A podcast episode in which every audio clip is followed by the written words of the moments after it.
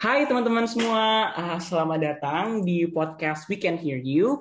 Um, jadi podcast ini merupakan salah satu bagian dari rangkaian acara AMSA Day Universitas Indonesia yang diselenggarakan oleh para youth AMSA Universitas Indonesia. Dan hari ini uh, kita telah kedatangan sosok yang sangat hebat sosok yang sangat kuat tentunya. Beliau merupakan seorang penyintas kanker nih teman-teman yang akan menceritakan uh, pengalaman dan juga uh, perjuangannya uh, selama menghadapi penyakit kanker tersebut. Beliau merupakan Kak Intan Hasana. Selamat datang Kak Intan. Yeay, selamat datang. Terima kasih loh teman-teman semua sudah memberikan ruang buat aku hadir di sini. Iya, bagaimana kabar Kak hari ini? Alhamdulillah baik ya teman-teman. Puasanya juga lancar ya teman-teman semua ya. Alhamdulillah. Masih semangat tentunya ya kak ya. Baik, jadi uh, mungkin uh, sebelumnya kakak mau memperkenalkan uh, bisa memperkenalkan diri hmm. terlebih dahulu dan juga uh, terkait dengan kanker yang kakak derita mungkin bisa diceritakan kak. Uh, okay. Pengenalan dirinya kakak aja gitu. Sip sip. Um, halo semuanya, kenalin nama aku Intan Hasanah, biasa dipanggil Intan.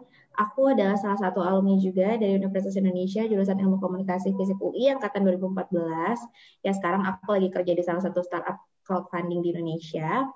Terus kalau terkait dunia perkankeran, ya memang aku adalah salah seorang penyintas kanker kelenjar getah bening jenis limfoma Hodgkin stadium 4 dari tahun 2013. Alhamdulillah udah remisi di tahun 2019. Jadi memang cukup panjang ya 6 tahun perjuangan aku untuk melawan kanker getah bening. Begitu teman-teman. Okay. Jadi um, Kak Intan ini merupakan seorang penyintas uh, atau survivor dari ya. kanker kelenjar getah bening ya, tak? Ya, Atau betul. kanker limfoma ya, Kak? Mungkin. Iya, limfoma Hodgkin. Baik.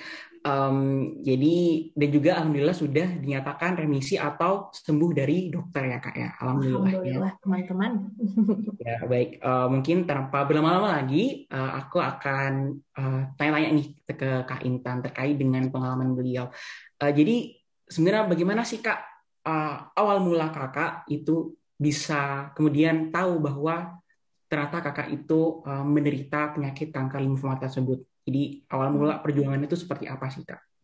Oke, okay. awal mulanya kalau aku sih daripada memilih kalimat eh kata menderita, aku lebih sukanya berjuang gitu ya, lebih empowering aja. Oke, okay, ini uh, out sedikit. Oke, okay, awalnya aku akhirnya menemukan kanker yang memang di 2013 itu awalnya di 2012 sih teman-teman itu aku menemukan ada benjolan ya di sebelah leher kanan aku sebesar kelereng udah di langsung aku bawa ke rumah sakit langsung ke penyakit dalam langsung di biopsi juga. Jadi aku sudah melakukan prosedur medis yang tepat terus di situ keluar hasilnya TBC ya udah di situ karena dari rumah sakit yang besar terus juga terpercaya dokter penyakit dalam aku percaya aja langsung. Satu bulan kemudian aku diminta untuk kembali memeriksakan diri biopsi lagi dengan dokter lab yang berbeda tapi hasilnya masih sama dibilang TBC singkat cerita di 8 bulan kemudian itu dari tahun 2013 itu waktu itu aku baru mau naik kelas 3 SMA tiba-tiba aja leher aku jadi makin bengkak awalnya cuma kecil doang jadi bengkak banget awalnya di kanan doang jadi juga di kiri terus habis itu paru-paru aku juga sesak jadi aku anaknya aktif banget nih dari SMA juga ikut um, expo dance gitu jadi memang udah biasa beraktivitas nah pada saat itu tiba-tiba aku ngerasa sesak meskipun cuma jalan kayak jalan 10 meter kok ngap ya gitu. Terus pas sudah dicekin ternyata paru-paru aku udah penuh dengan cairan.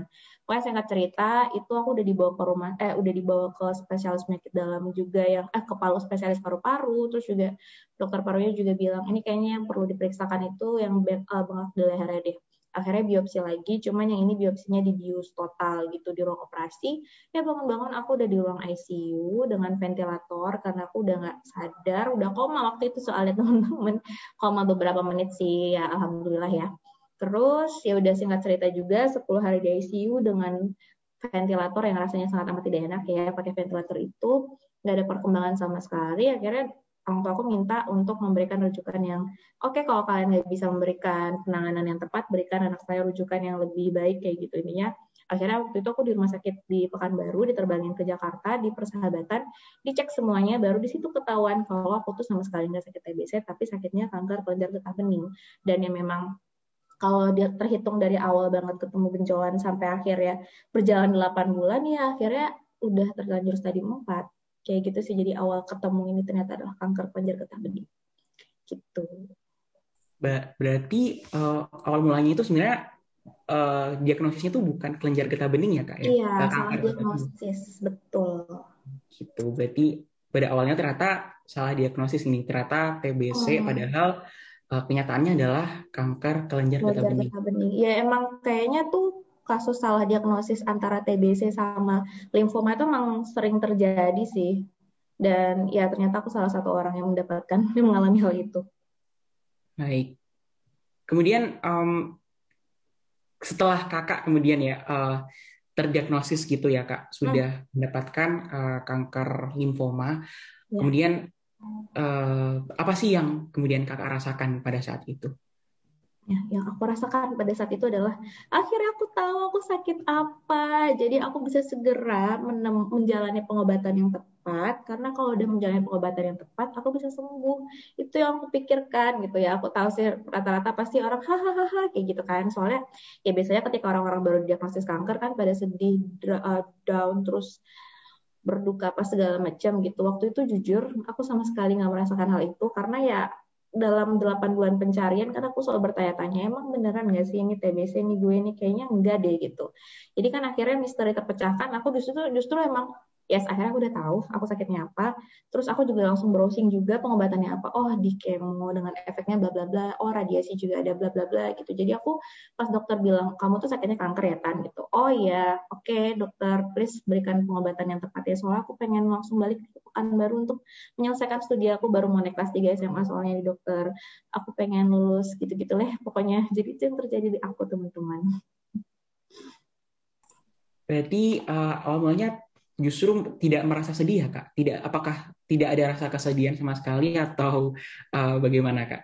Kayak perasaannya gimana? Iya, aku juga heran sih kenapa dulu tuh. Iya beneran aku tuh dulu nggak waktu kanker part 1, aku bilangnya part 1 karena part 2-nya 2016 kambuh lagi. Tapi pas di part 1 itu aku sama sekali nggak ngerasa sedih karena memang dari dulu itu aku nggak yakin aja nih TBC. Jadi ya ibarat kalian itu sedang berada di suatu kondisi yang tidak pasti, terus akhirnya mendapatkan sebuah kepastian, kan akhirnya kalian lega ya gitu. Dan ya udah kan, kalau sebuah masalah udah tahu akarnya apa kan jadi lebih mudah ya kita untuk memecahkannya kayak gitu sih emang agak praktikal aja sih aku orangnya jadi itu yang aku rasakan saat itu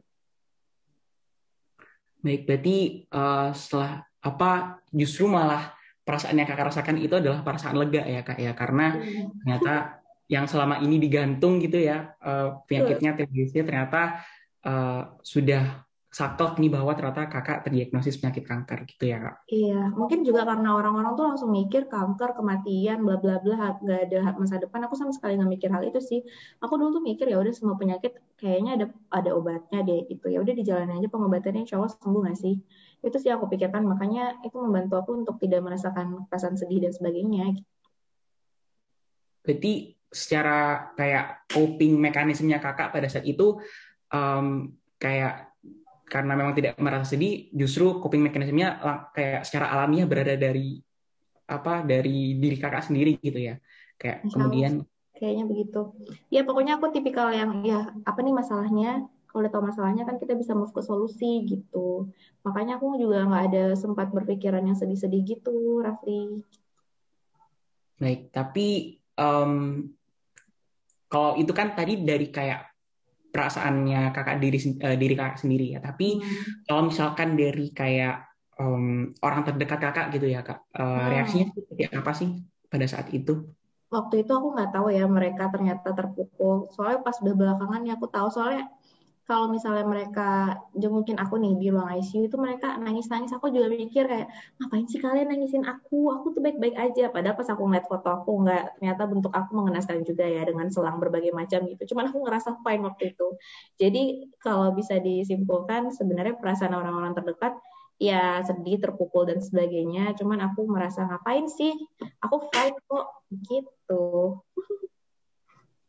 Jadi pada saat itu keluarga oh, bu kakak merasa lega tapi malah justru orang-orang terdekat merasa uh, panik gitu ya kak ya tapi lebih ke ini sih teman-teman soalnya kalau keluarga aku terutama mamaku dia nggak pernah nangis depan aku. Jadi dia tahu nih dia harus kuat di depan anaknya. Jadi malah dia nggak pernah nangis depan aku. Mungkin ya aku yakin dia pasti nangis di belakang. Tapi dia selalu membuat dirinya selalu kuat di depan aku dan ya udah aku juga nggak suka aja kalau misalnya dia nangisin aku kayak ngapain sih? gitu baik seperti itu. Jadi um, apa ya sebenarnya peran orang terdekat itu juga penting gitu ya kak untuk ya, uh, mendukung uh, terutama pada saat awal mula itu kan um, kita tahu mungkin sebenarnya di luar sana tidak se semua orang gitu menderita apa merasakan uh, seperti apa yang dirasakan oleh kak Intan gitu. Mungkin kayak ya, ada orang di sana yang justru malah merasa apa sedih gitu ya kak ketika hmm. tahu bahwa dia terdiagnosis uh, kanker gitu. Iya betul. Memang sebenarnya setelah aku survei juga ya, kan aku juga banyak gabung komunitas kanker, terus ketemu teman-teman pejuang kanker lainnya, yang memang kayaknya cukup unik dia reaksi yang aku rasakan pada saat pertama kali diagnosis dibandingkan reaksi teman-teman yang lainnya. Kayak gitu okay. sih. Baik. Berarti kalau itu kan kalau dari keluarga itu kan cenderung panik gitu ya kayak. Tapi kalau misalkan nggak kayak kelihatan banget sih sebenarnya paniknya lebih ke aku tahu mereka terpukul tapi mereka nggak begitu menunjukkan itu. Aku baru tahunya belakangan. At the moment aku nggak ngelihat mereka yang panik gerasa gerusuk tuh enggak dan lebih ke beberapa orang teman doang sih yang ngelihat kelihatan nangis atau guru-guru juga kelihatan nangis tapi kalau keluarga terdekat sih atau beberapa sahabat yang lainnya juga mereka nggak kayak gitu mereka terlihat kuat di depan mata aku gitu sih berarti kalau misalkan uh, berarti kalau aku bisa bilang kayak dari justru malah uh, mereka itu berusaha sekuat tenaga untuk bisa menyemangati kakak gitu ya di tengah kondisinya kakak pada saat itu menderita um, berjuang menghadapi kanker mm-hmm. dan um, dari teman-teman sendiri teman dekat itu juga perannya sangat penting ya kak untuk kemudian uh, menyemangati kakak terutama di awal mula kakak uh, terdiagnosis sebagai uh, ya, betul. kanker gitu. Iya tentu saja. Jadi waktu itu juga sebelum aku diterbangin dari Pekanbaru ke Jakarta itu pakai pesawat evakuasi. Ingat batu itu hari Senin, harusnya teman-teman satu kelas itu kan pada upacara, tapi memang diizinin tuh sama kepala sekolah, sama sekolah, pokoknya anak kita enam nggak apa-apa nih langsung aja ke rumah sakit uh, antarin Intan ter, uh, sebelum dia terbang ke Jakarta kayak gitu. Jadi aku ngerasa terharu banget. Semuanya pada baik-baik deh pokoknya. Jadi aku ngerasa oh ternyata banyak banget yang sayang sama aku. Di situ justru momen yang aku ngerasa, aku ngerasa sih biasanya ya udah kayak biasa aja ada yang ada yang peduli ada yang enggak tapi ternyata sebanyak itu yang peduli sama aku wow gila nih gitu baik oke okay. nah kemudian um, mungkin ya kak uh, setelah kakak terdiagnosis gitu ya sebagai hmm. uh, seorang pengidap kanker hmm. kemudian apa yang kemudian kakak apa ya kakak lakukan setelah kemudian pertama kali tahu bahwa dokter mengatakan Kak Intan ini mengidap penyakit kanker gitu. Jadi uh, awal mula yang kakak lakukan itu apa pada saat itu? Waktu itu aku sempat browsing sedikit sih tentang kanker dan pengobatannya apa, terus kemoterapi kan, dan aku juga sempat browsing juga efek-efeknya gimana. Terus pas dokter datang juga ya aku langsung aja bilang sama dokter, ayo dok langsung aja kemo soalnya aku harus cepet-cepet balik nih ke baru. Aku harus segala menyusul segala ketertinggalan ulangan banyak ketinggalan kan ujian susulan juga kenaikan kelas dan sebagainya. Jadi itu yang aku lakukan browsing cari tahu terus tanya dokter minta dokter segera melakukan tindakan medisnya biar aku bisa segera sembuh gitu itu berarti uh, juga menjadi suatu apa ya uh, suatu hal yang penting yang dilakukan ya kak untuk hmm. kemudian kita tahu bahwa kita terkena penyakit kanker tersebut hmm. uh, mencari tahu lebih lanjut kira-kira kanker tersebut seperti apa gitu ya kak iya Apakah jelas tapi harus iya harus hati-hati juga ya tapi memilih informasi kadang kan kalau googling yang biasanya tuh bikin kita makin takut ya kadang hasil googling jadi memang harus dipilah-pilih nih sumber yang mau kita konsumsi kalau misalnya nggak kuat ya udah tanya sama dokter aja tapi sebenarnya banyak banget sumber-sumber yang bermanfaat buat kita baca. Yang jelas tuh pastiin aja lah sumbernya itu yang memang nggak hoax, terus juga yang terpercaya dan bisa menambah insight sama kita sih. Kalau boleh tahu sebenarnya penting kayak pen, kepentingan utama apa ya? Kayak manfaat utama dari mencari tahu segala informasi tentang kanker tersebut itu apa sih kak? Karena kan itu adalah penyakit yang sedang ada di diri kita ya. Jadi kita harus tahu, ya kita perlu tahu di diri kita ini sedang ada apa, terus apa yang bisa kita lakukan, plus minus dan sebagainya. Karena semakin kita tahu, semakin kita clear kan mau bergerak melangkah ke mana, mengambil keputusan apa yang terbaik buat diri kita juga dan masa depan kita pastinya. Itu sih. Baik. Berarti uh, penting bagi kita untuk mencari banyak informasi tentang kanker tersebut supaya hmm. ke depannya kita bisa apa ya sedikit ada gambaran gitu terkait apa yang yeah. sedang terjadi di tubuh kita dan bagaimana cara kita uh, melakukan uh, apa ya coping mechanism terhadap penyakit tersebut gitu ya kak. Iya, intinya biar ya udah tahu aja ini kalau sakitnya apa, berobatnya apa, jadi problemnya solve kayak gitu sih.